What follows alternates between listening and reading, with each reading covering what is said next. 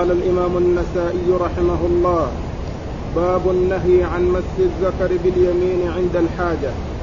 وقال أخبرنا يحيى بن درس قال أخبرنا أبو إسماعيل وهو القناد قال حدثني يحيى بن أبي كثير أن عبد الله بن أبي قتادة حدثه عن أبيه رضي الله عنه أنه قال إن رسول الله صلى الله عليه وسلم قال إذا بال أحدكم فلا يأخذ ذكره بيمينه. بسم الله الرحمن الرحيم. الحمد لله رب العالمين وصلى الله وسلم وبارك على عبده ورسوله نبينا محمد وعلى آله وأصحابه أجمعين. أما بعد يقول الإمام النسائي رحمة الله عليه النهي عن مس الذكر باليمين عند عند قضاء الحاجة. وأورد فيه حديث أبي قتادة الأنصاري رضي الله عنه إذا إذا بال أحدكم فلا يمس ذكره بيمينه.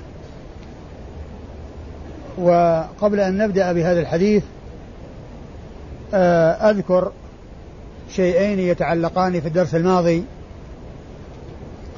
أحدهما أنه مر ذكر محمد بن منصور في أحد الأسانيد الماضية في الدرس الفائت وما ذكرت من المراد أو من هو محمد بن منصور.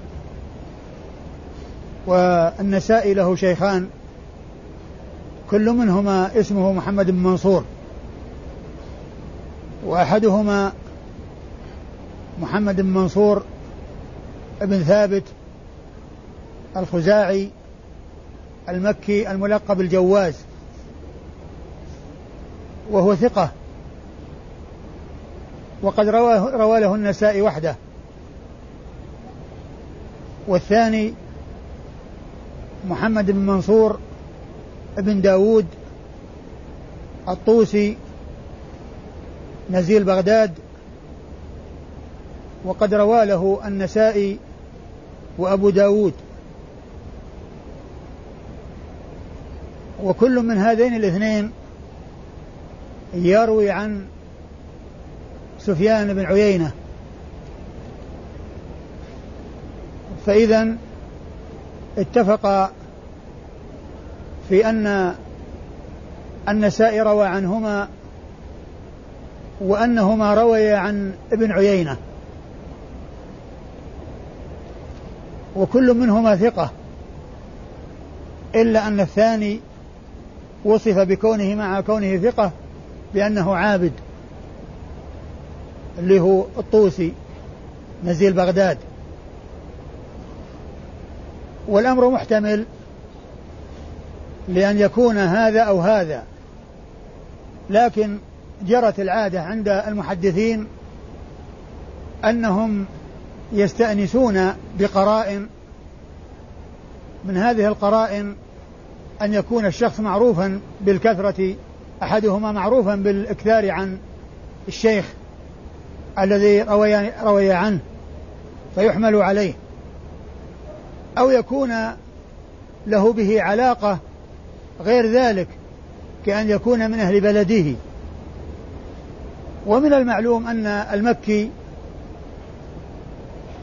هو وابن عيينة من بلد واحد لأن ابن عيينة مكي ومحمد بن منصور الخزاعي الجواز المكي هو أيضا مكي مثل سفيان بن عيينة. فإذا كونه بلدية كونه بلدية ومن أهل بلده يقوي جانب أن يكون هو المكي الجواس ومهما يكن من شيء سواء كان هذا أو هذا لا يؤثر لأن كل منهما ثقة. والإشكال لو كان أحدهما ضعيف عند ذلك يأتي الإشكال. أما ما دام أن كل منهما ثقة فسواء كان هذا أو هذا النتيجة واحدة من حيث الثبوت. آه الطوسي ثقة والمكي ثقة فسواء كان هذا أو هذا لا إشكال لأن كل واحد منه وصف بهذا الوصف. لكن من حيث الاحتمال الأقرب وكون أحدهما عنده جانب مرجح المكي عنده جانب كونه من أهل بلد شيخهما سفيان بن عيينة لأنه مكي. هذه التنبيه الأول. التنبيه نعم. أفاد المزي أيضا هذا أي نعم والأمر الثاني هو طبعا القضية كونه من أجل من من أجل بلده يعني أنه يعني يرجح الجانب.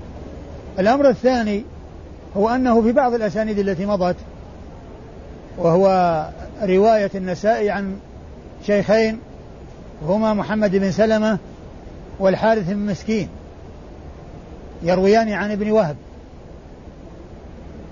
آه ذكرت فيما مضى أن طريقة البخاري عندما يروي عن شيخين فإن اللفظ يكون للأخير منهما المتن يكون لفظ الشيخ الثاني. هذا هو الذي عرف بالاستقراء من صنيع الإمام البخاري. وقد ذكر هذا ابن حجر في فتح الباري ذكره عند حديث جابر بن عبد الله أعطيت خمسا لم يعطهن أحد من الأنبياء قبلي. نصرت بالرعب مسيرة شهر. الحديث عند شرح هذا الحديث قال وقد عرف بالاستقراء من صنيع البخاري أنه إذا روى الحديث عن شيخين فإن اللفظ يكون للثاني المتن الموجود يكون للثاني. قال والدليل على هذا أنه وجد في صحيح البخاري حصول الإسناد عن شيخه الأول فقط بلفظ مغاير للذي أورده عنهما. وإذا فكونه وهو يكون للثاني منهما يعني عند البخاري. أما النسائي فقد قلت أننا لا نعلم اصطلاحه. وقد مر بعض الأحاديث يروي عن شيخين ولكن ما نعلم أيهما له اللفظ. لكنه في هذا الموضع قال واللفظ له يعني الحارث المسكين عين من له اللفظ. وهذه طريقة الإمام مسلم. طريقة الإمام مسلم أنه عندما يذكر الشيوخ المتعددين يقول واللفظ لفلان حدثنا فلان وفلان وفلان ويذكر عدد من مشايخه ثم يقول واللفظ لفلان. فعرف من له اللفظ بالتنصيص عليه. النسائي هنا عرف من له اللفظ بالتنصيص عليه حيث قال لو اللفظ له والضمير يرجع للحارث المسكين اللي هو الثاني. يرجع للحارث بن مسكين الذي هو الثاني شيخه الثاني. حدثنا أخبرنا محمد بن سلمة والحارث بن مسكين قراءة عليه وأنا أسمع واللفظ له. واللفظ له يعني للحارث المسكين إذا وجد عند النسائي في بعض الأسانيد ما يعين من له اللفظ وهو التنصيص عليه بقوله واللفظ له واللفظ له أي للثاني. وهذا لا إشكال إذا وجد التنصيص هذا ما يحتاج إلى معرفة اصطلاح ومعرفة الاستقراء شيء. يعني يمكن يعني في المستقبل أن يتبين في الأحاديث التي سبق أن مرت ولا ينص على من له اللفظ أن يأتي الحديث آه، في موضع آخر عن شيخ واحد الأول أو الثاني ثم يقارن بين اللفظ الذي هناك واللفظ الذي مضى وعند حصول المخالفة يعرف أن اللفظ ليس له. اللفظ الأول ليس له وإنما هو للثاني. وعند ذلك يمكن أن يعرف اصطلاح النسائي. حتى الآن لا نعرف للنسائي اصطلاحا يعني آه، يحدد آه، من له اللفظ إلا إذا وجد التنصيص عليه كما هنا حيث قال واللفظ له أي للحارث المسكين اللي هو الثاني. فعرف من التنصيص على أن الحديث لهذا الذي هو الحارث المسكين اللفظ. اللفظ له أي الحارث المسكين. هاتان آه، فائدتان تتعلقان بدرس الأمس. ونعود إلى درس اليوم. تقرأ الحديث مرة ثانية. حد أخبرنا؟ قال أخبرنا يحيى بن درس قال أخبرنا أبو إسماعيل وهو القناد قال حدثني يحيى بن أبي كثير أن عبد الله بن أبي قتادة حدثه عن أبيه رضي الله عنه أن رسول الله صلى الله عليه وسلم قال إذا بال أحدكم فلا يأخذ ذكره بيمينه. يقول النبي صلى الله عليه وسلم إذا بال أحدكم فلا يأخذ ذكره بيمينه. النسائي قيد الترجمة بقوله عند قضاء الحاجة. النهي عن مس الذكر باليمين عند قضاء الحاجة. يعني ومعنى هذا أن أن أن تقييده يفيد بأن الأمر يتعلق بقضاء الحاجة كما هو لفظ الحديث. وكما هو نص الحديث. إذا بال أحدكم فلا يمس ذكره بيمينه. فقوله بال أحدكم يعني يعني معناه كأن النساء اعتبرها قيد يعني له مفهوم وهو أن النهي عند قضاء الحاجة. لأن الحديث جاء عند قضاء الحاجة وهو ترجمة للنهي عند قضاء الحاجة. ما قال النهي عن مس الذكر باليمين وسكت وإنما قال عند قضاء الحاجة. السندي في تعليقه على على الحديث قال ولا مفهوم لهذا القيد في قوله إذا بال أحدكم كلمة إذا بال أحدكم. قال ولا مفهوم لهذا القيد بمعنى أنه يمسك الذكر باليمين في غير حال قضاء الحاجة. قال لأن مس لأنه إذا كان النهي عن مسه باليمين عند قضاء الحاجة فعند غيرها من باب أولى آه، تقييد النسائي بقوله عند قضاء الحاجة يفيد بأن النهي في هذه الحال وأن المنع في هذه الحال. وقول السندي بأنه لا مفهوم له وإنما هو يعني آه، قيد ليس له مفهوم وأنه في حال عدم قضاء الحاجة من باب أولى. يعني هذا ليس بواضح كونه أولى. لأن كما هو معلوم اليسار يعني جاءت السنة بأنها تستعمل في الأشياء اللي هي غير الطيبة وغير الحسنة. يعني مثل المخاط مثل مسك الذكر باليسار عند قضاء الحاجة. لأن عند قضاء الحاجة عرضة للنجاسة. عرضة للنجاسة. فيعني النهي عن اليمين حتى لا تعرض للنجاسة. ومن المعلوم أن الامتخاط باليسار لأن فيه أشياء قذرة مستقذرة ما استعمل له اليمين. لكن لو أن إنسان لمس أنفه بيمينه يعني عند غير الامتخاط دون امتخاط يعني ما في إشكال ما لا مانع منه. فإذا هذا يمكن أن يكون مثله.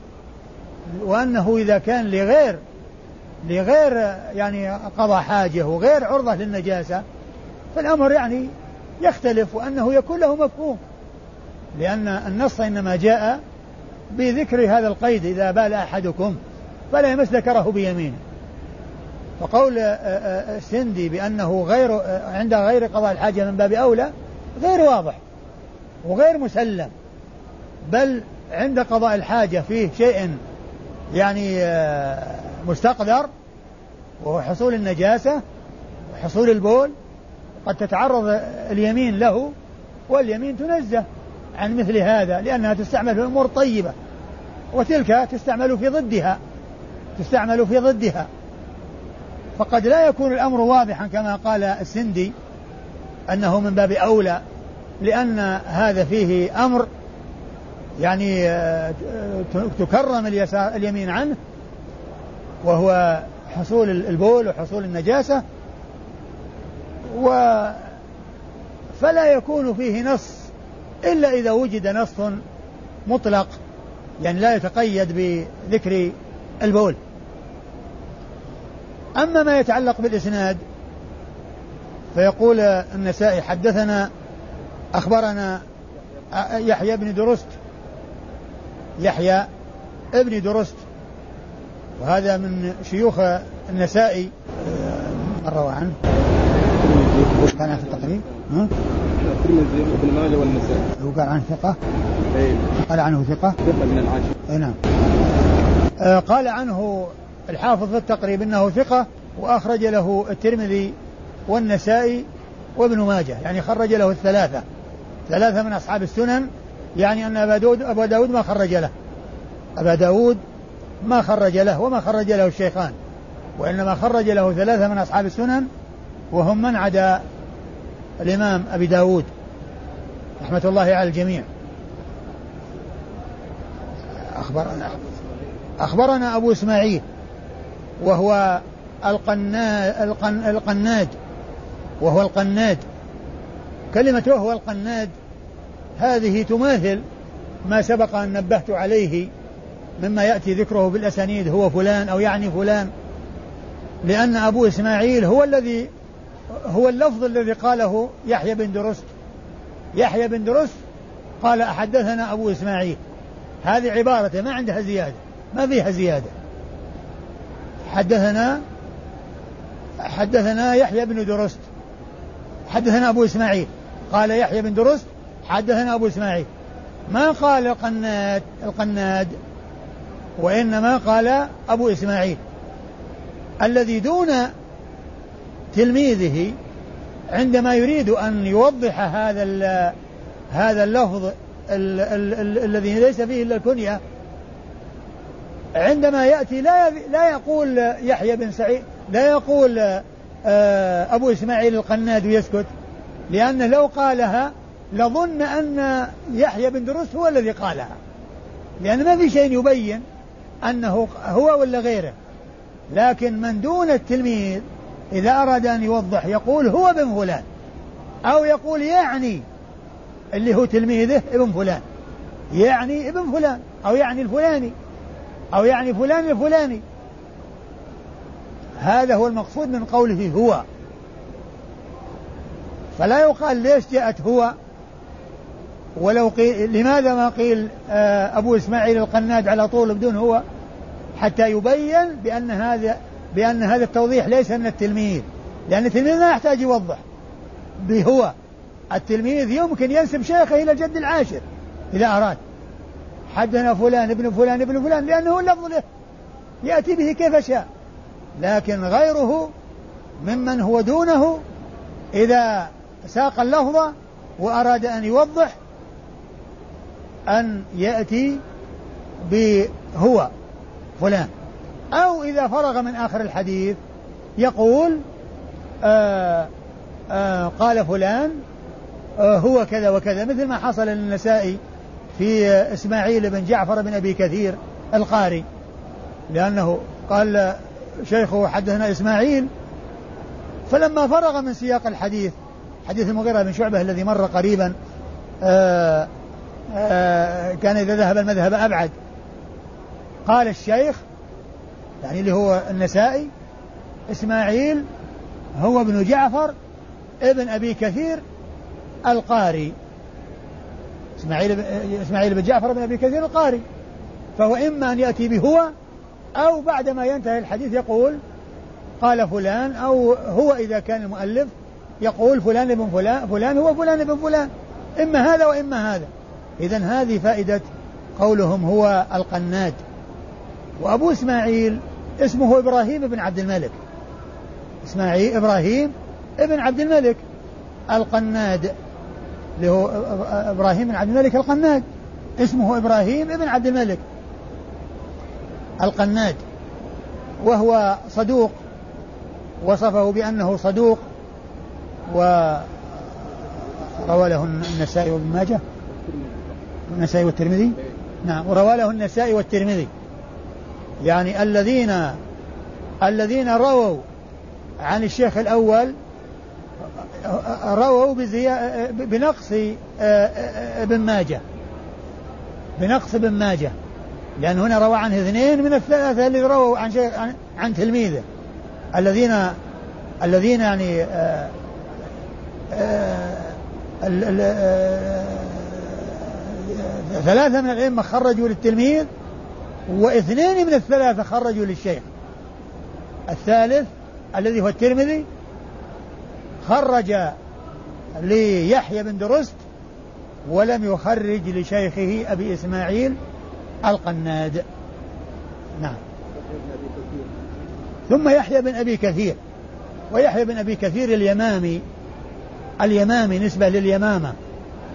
وكلمة اليمامي يعني تتحرف وتصحف مع اليماني. اليماني واليمامي. مثل ما قلت في مضى البصري والمصري يصير بينهم شيء من التصحيف لقربهما. فهنا اليماني واليمامي يحصل بينهما شيء من التصحيف.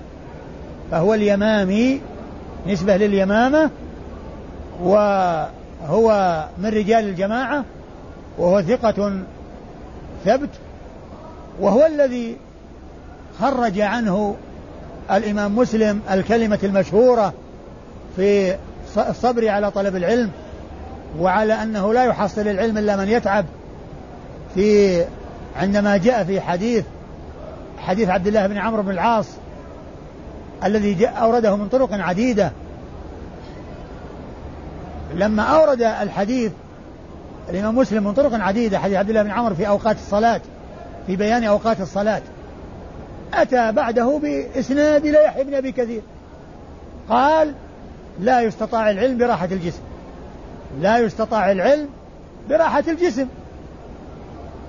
يعني حشر هذا الإسناد في هذا الموضع وهذا هذا الأثر في هذا الموضع. بعد ما ذكر هذه الطرق الكثيرة قال النووي أنه لما ذكر هذه الطرق الكثيرة التي ما يحصلها إلا من يتعب وما يجمعها إلا من يتعب. نبه إلى أن العلم لا يحصل إلا بالتعب. العلم لا يحصل إلا حصل إلا بالتعب. يقولون ملء الراحة لا يدرك بالراحة. ملء الراحة شيء قليل لا يدرك بالراحة. كل إنسان يعني ما يتعب. وإنما من يتعب هو الذي يحصل. من جد وجد. قال يحيى بن أبي كثير روى الإمام مسلم بإسناده إلى يحيى بن أبي كثير عند إيراده طرق حديث عبد الله بن عمرو بن العاص في بيان أوقات الصلاة أورد إسنادا إلى يحيى بن أبي كثير قال لا يستطاع العلم براحة الجسم لا يستطاع العلم براحة الجسم. من أراد أن يحصل فليتعب أما أن يريد أن يحصل بلا شيء وبدون تعب فهذا لا يحصل شيء. لأنه بلا شيء لا يحصل شيء. بلا شيء لا يحصل شيء. بل يحصل الشيء بالتعب ويحصل بالنصر. كما قال الشاعر لولا المشقة ساد الناس كلهم. لولا المشقة كل الناس يصيرون سادة. ما يتميز السادة على غيرهم أهل السؤدد وأهل النبل وأهل الشرف شرف العلم. ما يحصله إلا من يتعب لولا المشقة ساد الناس كلهم. لكن ما كل يصبر على التعب. وإذا فليس كل أحد يحصل ليس كل أحد يحصل السؤدد وإنما يحصله من يصبر على التعب. كما قال الشاعر وإذا كانت النفوس كبارا تعبت في مرادها الأجسام. وإذا كانت النفوس كبارا تعبت في مرادها الأجسام. يحيى بن أبي كثير اليمامي هو الذي قال هذه القولة العظيمة التي تبين آه شأن طلب العلم وأنه لا يحصل إلا بالتعب. لا يحصل إلا بالتعب. لا يحصل إلا بالنصب. يحيى بن أبي كثير عن إيش؟ عبد الله بن أبي قتادة. عبد الله بن أبي قتادة الأنصاري. عبد الله بن أبي قتادة وهو من رجال الجماعة. وهو ثقة. عن أبي أيو عن أبي قتادة الأنصاري عن أبيه وهو صاحب رسول الله صلى الله عليه وسلم وهو من الفرسان الشجعان رضي الله تعالى عنه وذكر الخزرجي كما قلت لكم في الخلاصة من ميزة الخلاصة أن أنه إذا ترجم للصحابي يذكر عدد ما له من الأحاديث في الكتب الستة. وعدد الذي اتفق البخاري ومسلم منها عليه منها عليه عليه منها ومن فرد به البخاري ومن فرد به مسلم. قال له في الكتب 170 حديثا اتفق على أحد عشر وانفرد البخاري بحديثين وانفرد مسلم بثمانية وانفرد مسلم بثمانية. وهذه الفائدة أو الفوائد المشابهة لهذه الفائدة يمكن الإنسان أن يحصلها من الخلاصة. خلاصة تذهيب الكمال. خلاصة تذهيب الكمال الخزرجي عندما يترجم للصحابي يذكر في آخر ترجمته هذه الفائدة التي بيان عدد ما له من الكتب ومن ومقدار الذي اتفق عليه منها ومقدار الذي انفرد بإخراجه البخاري عن مسلم ومقدار الذي انفرد مسلم بإخراجه عن البخاري. نعم اللي بعده. قال أخبرنا هناد بن السري عن وكيع عن هشام عن يحيى هو ابن أبي كثير عن عبد الله بن أبي قتادة عن أبيه رضي الله عنه أنه قال قال رسول الله صلى الله عليه وسلم إذا دخل أحدكم الخلاء فلا يمس ذكره بيمينه. الباب له باب؟ ها؟ نفس الباب. نفس الباب. ثم أورد النسائي حديث أبي أيوب من طريق أخرى. حديث أبي قتادة رضي الله عنه من طريق أخرى. آه عن يحيى ابن أبي كثير عن عبد الله ابن أبي قتادة عن أبي قتادة رضي الله تعالى عنه إذا إذا لفظه إذا دخل أحدكم الخلاء فلا يمس فلا يمس ذكره بيمينه. فلا يمس ذكره بيمينه. وهو مثل الذي قبله لن يختلف عنه في اللفظ. هناك يقول إذا بال أحدكم. إذا بال أحدكم وهنا يقول إذا دخل أحدكم الخلاء فلا يمس ذكره بيمينه. والإسناد في الأول حدثنا أخبرنا هناد بن السري هناد بن السري هو من شيوخ الإمام مسلم وقد خرج له الإمام مسلم وأصحاب السنة الأربعة. والبخاري في في خلق أفعال العباد. والبخاري في خلق أفعال العباد. إيش قال عنه؟ ثقة ولا صدوق؟ هو هناد. ثقة حافظ. قال عنه في التقريب نعم. قال عنه الحافظ في التقريب ثقة.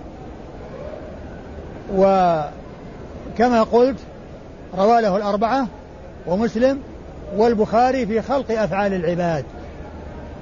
والرمز لها عين خاء. الرمز لها عين خاء. هذه طريقة الحافظ. وفي التقريب والتهذيب تهذيب التهذيب. لكن ال ال ال الرموز هذه يعني أحيانا يحصل بها خطأ. الرموز يحصل بها خطأ.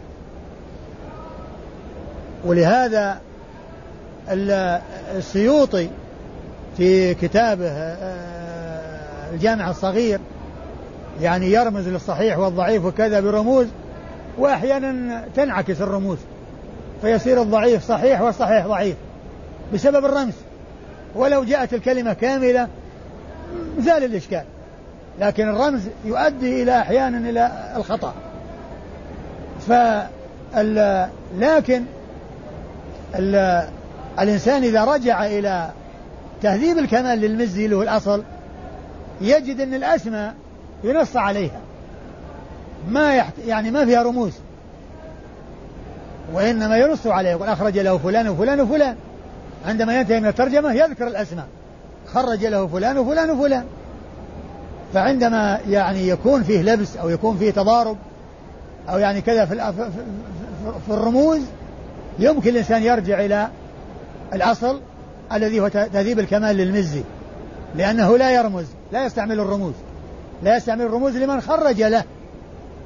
لمن يعني خرجوا آه لمن آه خرج له أصحاب الكتب. وإن كان يرمز لهم عند الشيوخ والتلاميذ فوق فوق الترجمة أحيانا يرمز. يعني مثلا آه، عند عند الشيوخ والتلاميذ فوق فوق فوق الاسم. لكن لمن خرج له ما يرمز. في الآخر يقول أخرج له فلان وفلان وفلان. أخرج له فلان وفلان وفلان. فيعني آه، الرجوع إلى الأصل يعني يوضح الخطأ في الرموز إذا كان فيه الرموز فيها خطأ. يعني بين بين النسخ. يعني التي لأن الإنسان لو يقارن بين التقريب والخلاصة والتهذيب التهذيب ويجد بينها تفاوت يمكن يرجع للأصل الذي هو اللي هو تهذيب الكمال أو لداخل التهذيب. عندما يقول روى عن فلان وفلان خرج له يعني مثل إذا كانوا من الشيوخ مثل ما يأتي عند قتيبة بن سعيد يقول روى له أصحاب الكتب الستة خرج له الجماعة. خرج له الجماعة. نعم. إيش عن وكيع وكيع بن الجراح ابن مليح الرؤاسي الكوفي وهو إمام ثقة يعني ثبت وهو من رجال الجماعة. يعني خرج له أصحاب الكتب الستة. عن من؟ عن هشام وهو ابن عروة. ابن الزبير. هشام ابن عروة ابن الزبير وهو من رجال الجماعة. عن من؟ وهو ثقة يعني ثابت من رجال الجماعة. عن يحيى بن أبي كثير وهذا ملتقى الإسناد مع الإسناد الذي قبل هذا. يحيى بن أبي كثير عن عبد الله بن أبي قتادة عن أبيه أبي قتادة الحديث. نعم. التوصل إلى معنى الشام هذا؟ نعم. في طبقته هشام الدستوائي وكلام آه في الخلاصة اللي هي خلاصة تذهيب الكمال يعني هو يذكر يعني أبرز أو من أبرز الشيوخ والتلاميذ لأنه قال يعني روى روى عن هشام بن عروة روى عن هشام بن عروة. أي نعم. قال الرخصة في البول في الصحراء قائمة. وقال أخبرنا مؤمل بن هشام قال حدثنا إسماعيل قال حدثنا شعبة عن سليمان عن أبي وائل عن حذيفة رضي الله عنه أنه قال إن رسول الله صلى الله عليه وسلم أتى سباطة قوم فبال قائما. ثم قال النسائي الرخصة في البول في الصحراء قائما. آآ سبق أن مر أنه قال ترك ذلك في البيوت يعني اللي هو هناك ترجمة هكذا اللي قبله. الرخصة في ترك ذلك في ترك لا في هو هذا. في نفس حديث سباطة قوم أي نعم. ها؟ قال الرخصة في ترك ذلك. أي نعم. الرخصة في ترك ذلك يعني ترك البول قائما لكن هنا لما قال الرخصة في البول في الصحراء قائما يعني نعم. الترجمة الأولى الإبعاد لإرادة الحاجة ثم قال الرخصة في ترك ذلك. اي نعم الرخصة في ترك ذلك. ترك الإبعاد الرخصة في ترك الإبعاد. جاب حديث سباطة قوم؟ أي نعم نفسه؟ أي نعم. حديث سباطة قوم؟ حذيفة قال كنت أمشي مع رسول نعم طيب. لعل هذه الترجمة هو قوله الرخصة في البول في الصحراء قائما. يعني معناه أن هذا يكون في الصحراء ويكون في غير البيوت. وأما البيوت فإن الإنسان يجلس يجلس فيها لأن البيوت في الغالب ما تكون يعني الأماكن المعدة يعني آه، صلبة وأنها يعني قد يتطاير على الإنسان. وأما في الصحراء وفي الأماكن الخالية في الأرض تكون رخوة والبول إذا إذا وقع على أرض الرخوة يعني آه، يكون آمن من ما إذا وقع على شيء صلب من التناثر ومن التطاير من تطاير البول. فلعله يشير بذلك إلى أن إلى أن أن البيوت لا يفعل فيها يعني البول يعني عن قيام وإنما يكون عن جلوس وإنما يكون عن جلوس. لكن كما قلت سابقا إذا كان احتيج إلى ذلك في البيوت وفي يعني في لا سيما في وجود المغسلات ووجود الأشياء التي آه، يدخل الإنسان فيها أو آه، يعني آه، يأمن من أن يذهب شيء من بوله على ثيابه واحتاج إلى ذلك واضطر إلى ذلك فإنه لا بأس بذلك. لكن يعني قوله الرخصة في ذلك في الصحراء يعني معناه كأن في غير الصحراء يعني في البيوت بخلاف ذلك. في البيوت يكون الأمر بخلاف ذلك يعني يكون عن جلوس. يكون عن جلوس لا عن قيام. إيش قال في الإسناد؟ حدثنا؟ أخبرنا محمد بن هشام. أيوه.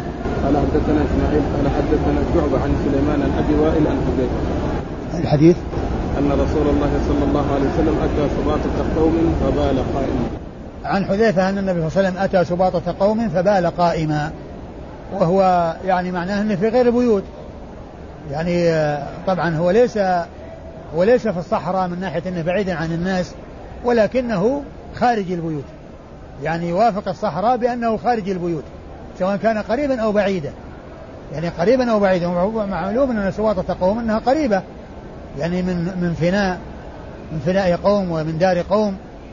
وهي السواطة هي محل هي محل الكناسة أو هي نفس الكناسة التي آه، آه، يخرجها أهل البيت ويضعونها في فناء دارهم في فناء دارهم فأضيفت إليهم لإخراجهم إياها من بيوتهم ولكونهم مختصون بها أضيفت إليهم إضافة اختصاص. والإسناد مؤمل ابن آه ابن هشام. مؤمل ابن هشام وش قال عنه في التقريب؟ من خرج له؟ البخاري وأبي داود والنسائي البخاري وأبي داود والنسائي إيه. آه قال عنه الحافظ في التقريب إنه ثقة وخرج له البخاري وأبو داود والنسائي خرج له البخاري وأبو داود والنسائي إيش بعده؟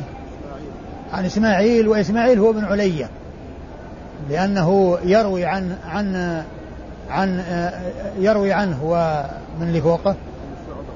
وشعبة يروي عنه أيضا ابن علية فإسماعيل هو ابن علية وابن علية سبق أن عرفناه وأنه ثقة وهو إسماعيل بن إبراهيم بن مقسم المشهور بابن علية وهو من الثقات الأثبات وهو من رجال الجماعة ولا يلتبس بابنه إبراهيم لأن ابنه إبراهيم من المبتدعة وهذا من أهل السنة وكل منهم يقال له ابن علية فإذا جاء ذكر ابن علية في أمور آه، مبتدعة أو في ذكر أهل البدع أو في ذكر الأمور الشاذة في المسائل الخلافية الشاذة فالمراد به ابنه إبراهيم.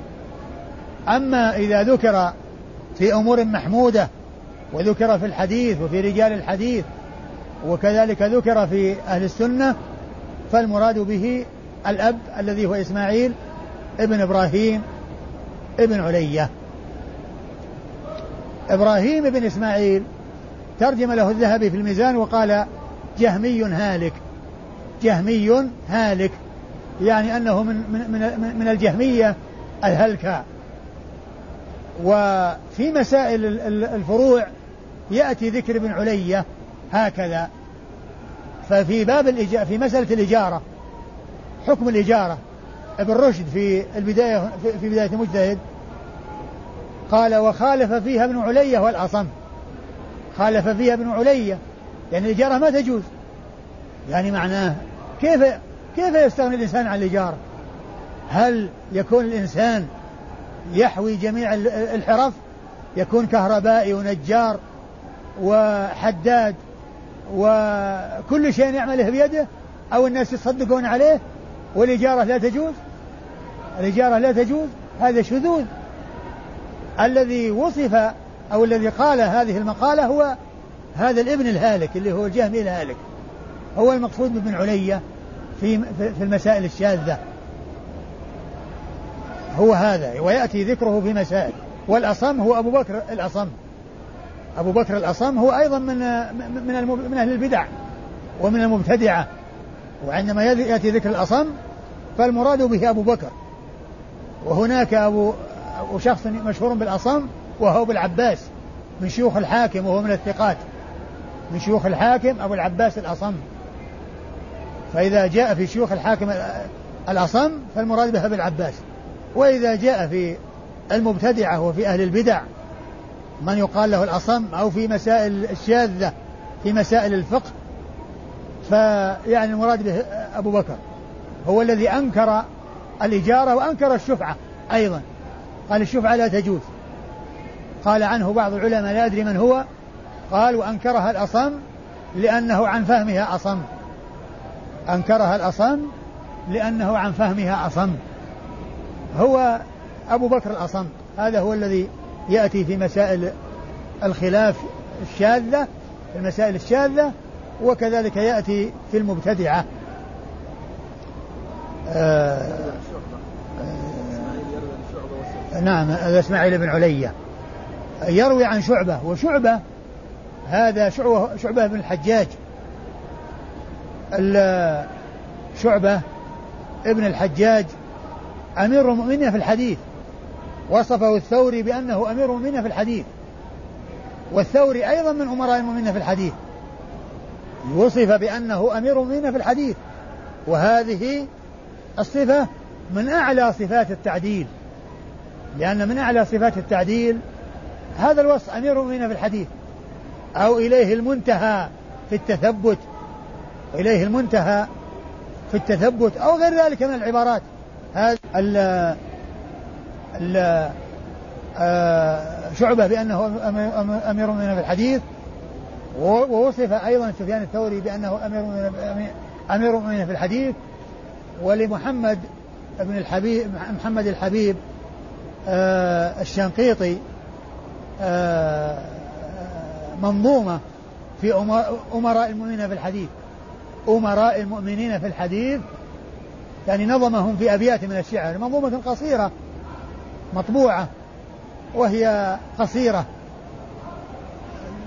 نظم فيها من وصفوا أو من وصفوا بأنهم بهذا الوصف أي أمير أمير أمير المؤمنين في الحديث ومنهم شعبة وسفيان الثوري.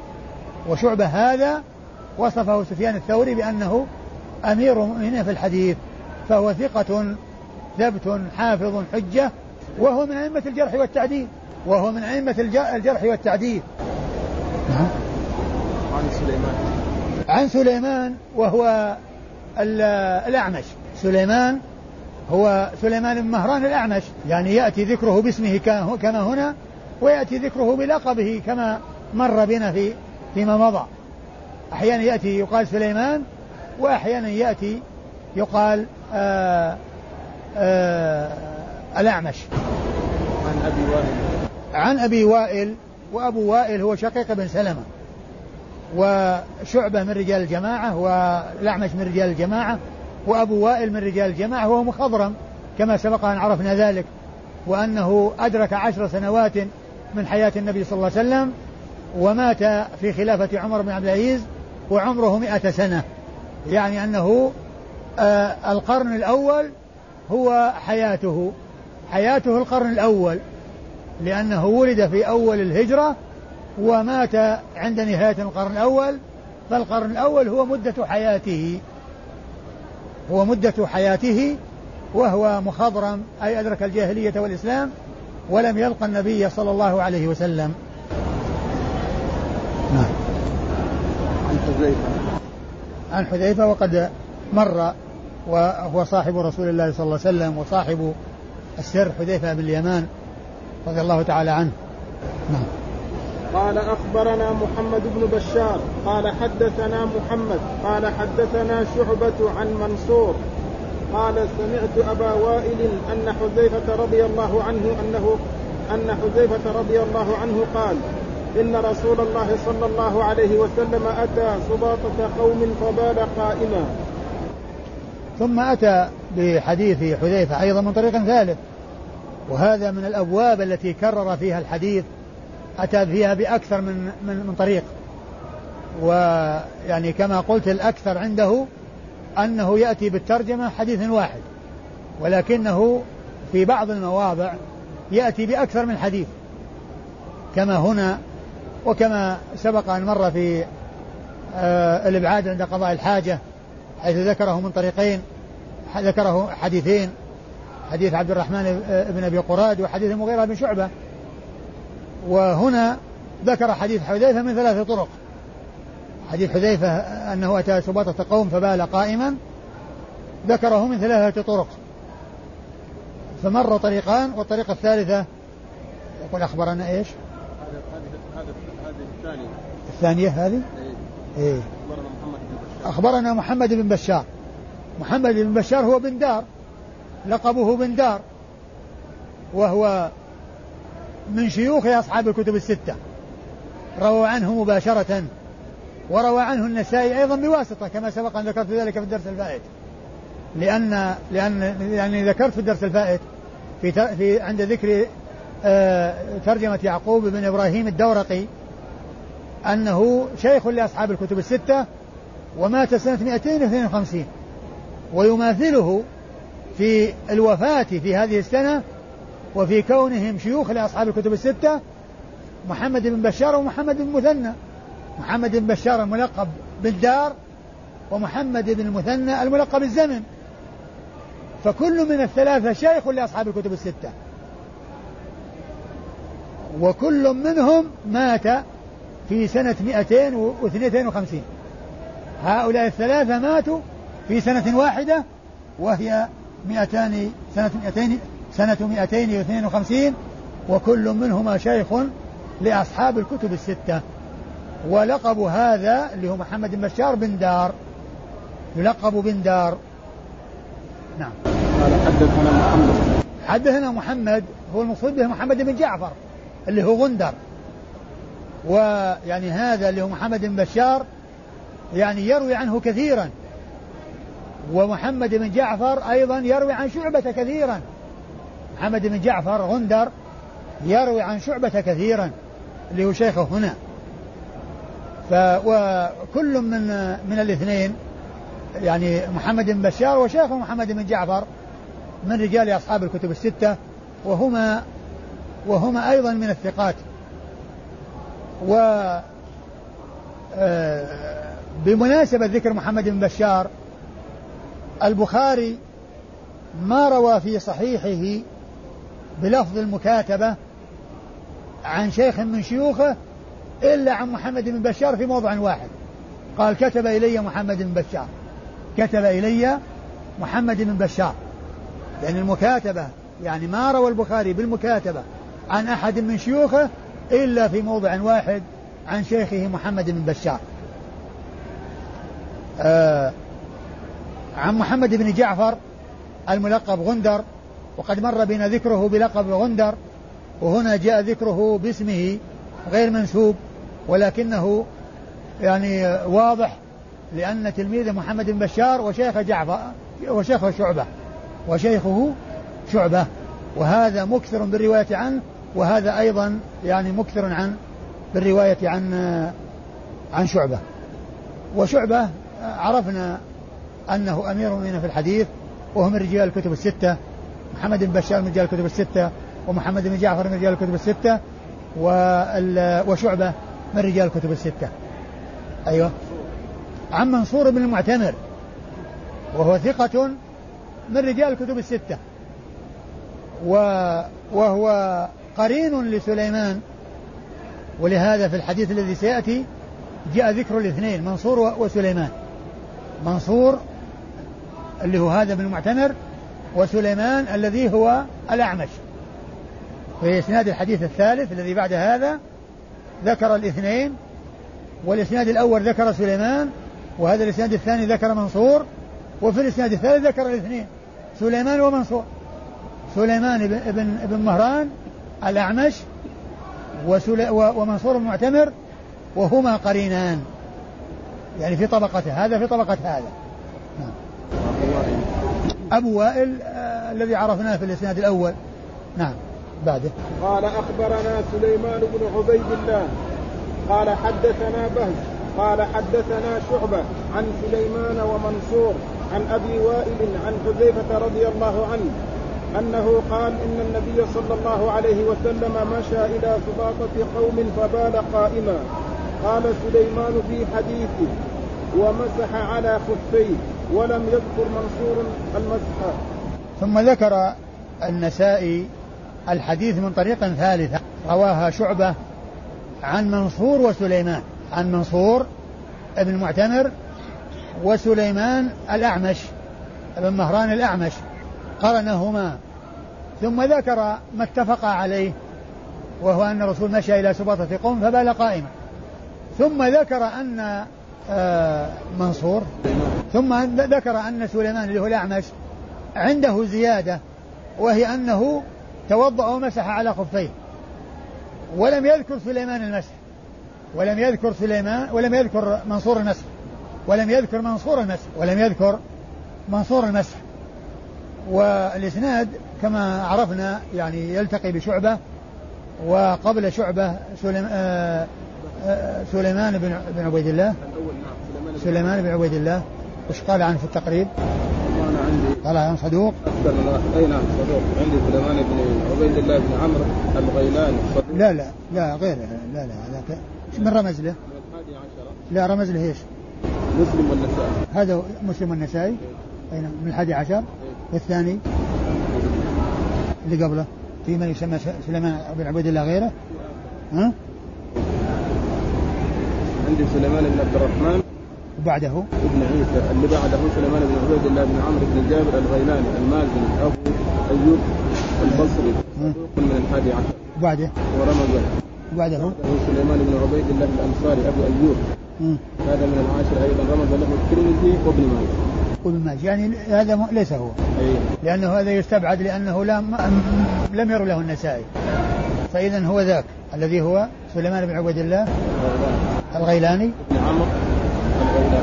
الغيلاني. اي سليمان بن عبيد الله بن عمرو الغيلاني وهو صدوق وهو آه، روى له النسائي ومن؟ ومسلم. روى له مسلم والنسائي. سليمان بن عبيد الله بن عمرو الغيلاني آه، صدوق روى له مسلم والنسائي. يعني هذا شيخ النسائي. أيوه. بعده. حدثنا بهز. بهز بن أسد العمي. وهذا من الثقات الأثبات. بل قال عنه الإمام أحمد إليه المنتهى في التثبت. إليه المنتهى في التثبت. وهذه من الصيغ ال- القوية أو التي هي من أعلى صيغ التعديل ومن أقوى صيغ التعديل. إليه المنتهى في التثبت. هذه يعني يعني تعتبر في الطبقة الأولى من أو في الصيغ الصيغة الأولى من صيغ ال- التعديل. لأنه يدل على المبالغة في الوصف. ما دل على المبالغة فيه كهذه الكلمة إليه المنتهى في التثبت. ما قال ثبت فقط أو ثقة ثبت بل قال إليه المنتهى في التثبت. يعني معناه أنه في القمة. في القمة يعني لا يسأل عنه لأنه وصل القمة في التثبت. أيوة. وهو من رجال الجماعة. وهو من رجال الجماعة اللي هو بهز بهز بن أسد العمي وعن شعبة عن شعبة و و و وسليمان ومنصور وهؤلاء تقدموا إيش بعده؟ ها؟ أقرأ قال البول في البيت جالسا وقال أخبرنا علي بن حجر قال أخبرنا شريك عن المقدام بن شريح عن أبيه عن عائشة رضي الله عنها أنها قالت من حدثكم أن رسول الله صلى الله عليه وسلم بال قائما فلا تصدقوه ما كان يبول إلا جالسا ثم ذكر. النسائي هذه الترجمة وهي باب البول في البيت جالسا وكأن هذه الترجمة تقابل الترجمة السابقة ال- الرخصة في البول في الصحراء قائما يعني تقابلها هذه الترجمة وهي أنه في البيت يبول جالسا. في البيت يبول جالسا. وأورد حديث عائشة رضي الله عنها أنها قالت من حدثكم أن الرسول صلى الله عليه وسلم بال جالس جا- قائما فلا تصدقوه ما كان يبول ما كان يبول إلا جالسا. ما كان يبول إلا جالسا. وقيد الترجمة في البيت أو في البيوت لأن عائشة رضي الله عنها وأرضاها إنما يعني إنما بينت ما كان معروفا من عادته وهي تعلم عادته في البيت وهي أخبرت عما كان في البيت. لكن غيرها علم ما لم تعلم وهو حذيفة حيث كان يمشي مع النبي صلى الله عليه وسلم فبال أتى إلى سباطة قوم فبال جالسا. فعائشة نفت على حسب علمها. وكذلك أيضا كلامها يعني يفيد الملازمة والمداومة. ومن المعلوم أن المعروف من عادة الرسول صلى الله عليه وسلم والغالب على على فعله هو الجلوس عند قضاء الحاجة لا في الصحراء ولا في في البيوت. لأنه كان عليه الصلاة يذهب في الصحراء ويعني يبول جالسا. كان يذهب إلى الخلاء ويجلس وأصحابه يذهبون معه ويجلس. ويقضي حاجته ثم يأتي إليهم ويتوضأ عليه الصلاة والسلام. وحذيفة رضي الله عنه وأرضاه رأى وشاهد هذه الحالة فإذا عنده علم. وإذا فكلام عائشة محمول على ما تعلم وعلى ما كان الغالب على عادته وهو ولهذا عبر عبرت بكان ما كان يبول إلا جالسا يعني على حسب ما كانت تعلم وهذه عادته في البيت وكذلك عادته في الخارج إلا أن ما رواه حذيفة حالة نادرة وحالة خاصة وقد علم وشاهد ما شاهد وهو صاحب رسول الله صلى الله عليه وسلم فيحمل آه يعني ما حصل عن عائشة وما حصل عن حذيفة أن ما حصل من عائشة مبني على المعروف من عادته وعلى ما وعلى ما يكون في البيوت وعلى وأما بالنسبة للبول قائما فعلى ما كان نادرا من فعله وفي خارج البيت. ولهذا بوب في البول في الصحراء قائما الرخصة في البول في الصحراء قائما. وهنا قال البول في البيت أو في البيوت جالسا إيش الإسناد؟ علي بن حجر.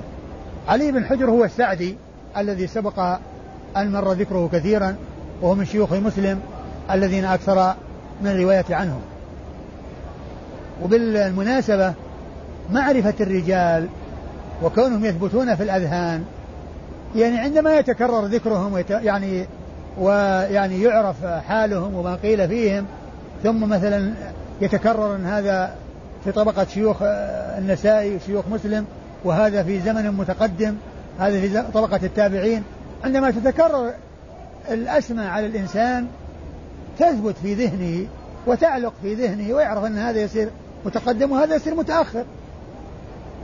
نعم.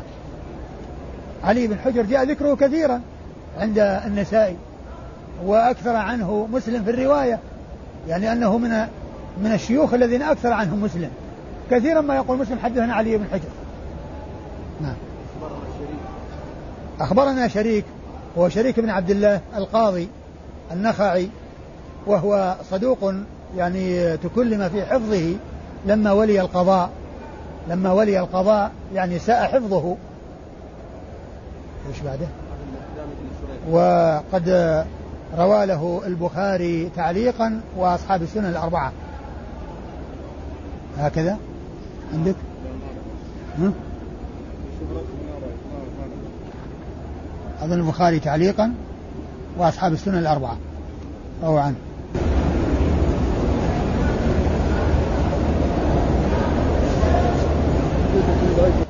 نعم. نعم. لا الحديث مو ضعيف. الحديث صحيح. وإلى حد الآن ما وصلنا أول حديث ضعيف عند النسائي. كل ما مضى صحيح. وبالمناسبة إذا قيست الأحاديث الضعيفة للصحيحة يعني نجد أنها قليلة. وفي هذا المجلد الذي معنا في 1177 حديث. إذا رجعت إلى كتاب الألباني صحيح سنن النسائي إلى هذا المقدار يكون الضعيف خمسين في المجلد بأكمله. في 1177 حديث يطلع فيها خمسين. ضعيف ما بعد وصلنا إلى أولها لم نصل إلى أول هذه الخمسين وإذا فالأحاديث الضعيفة قليلة الحديث الأحاديث الضعيفة قليلة إيش بعده؟ البخاري في التعليق تعليقا خاتة نعم. أيوة و... وأربعة ها؟ ومسلم والأربعة مسلم خرج له؟ نعم موجود فيه ميم ها؟ نعم. إيه. ومسلم والأربعة؟ ومسلم والأربعة لكن مسلم روى له متابعة. قالوا إنه روى له متابعة. أيوه. إيش بعده؟ شريك. من بعده؟ من شيخه؟ المقدام بن شريح ابن هاني. وهذا سبق أن مر بنا هو وأبوه. وكل منهم يروي في الروايه عن عائشة. يروون عن عائشة. الحديث الذي آه، إيش الحديث؟ الذي مر بنا عن عائشة التي آه، التي يروي المقدام عن أبيه شريح وشريح يروي عن عائشة. ما حد يذكر الحديث؟ ذكرنا إياه.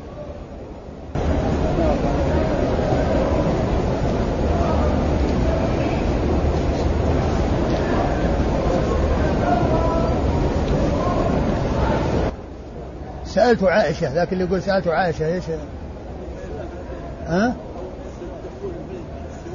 آه نعم. عند السواك عند دخول البيت.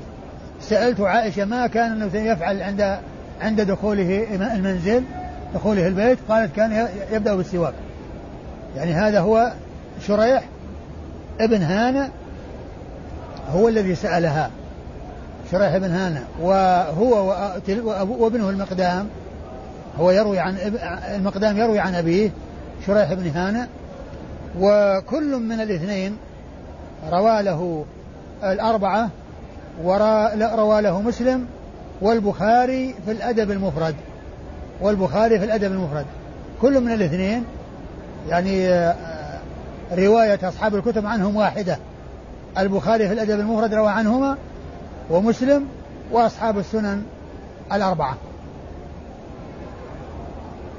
عن عائشة وعائشة هي أم المؤمنين وقد عرفنا فيما مضى أنها أحد السبعة المكثرين من رواية الحديث عن رسول الله صلى الله عليه وسلم والله أعلم وصلى الله وسلم وبارك على عبده ورسوله نبينا محمد وعلى آله وأصحابه أجمعين.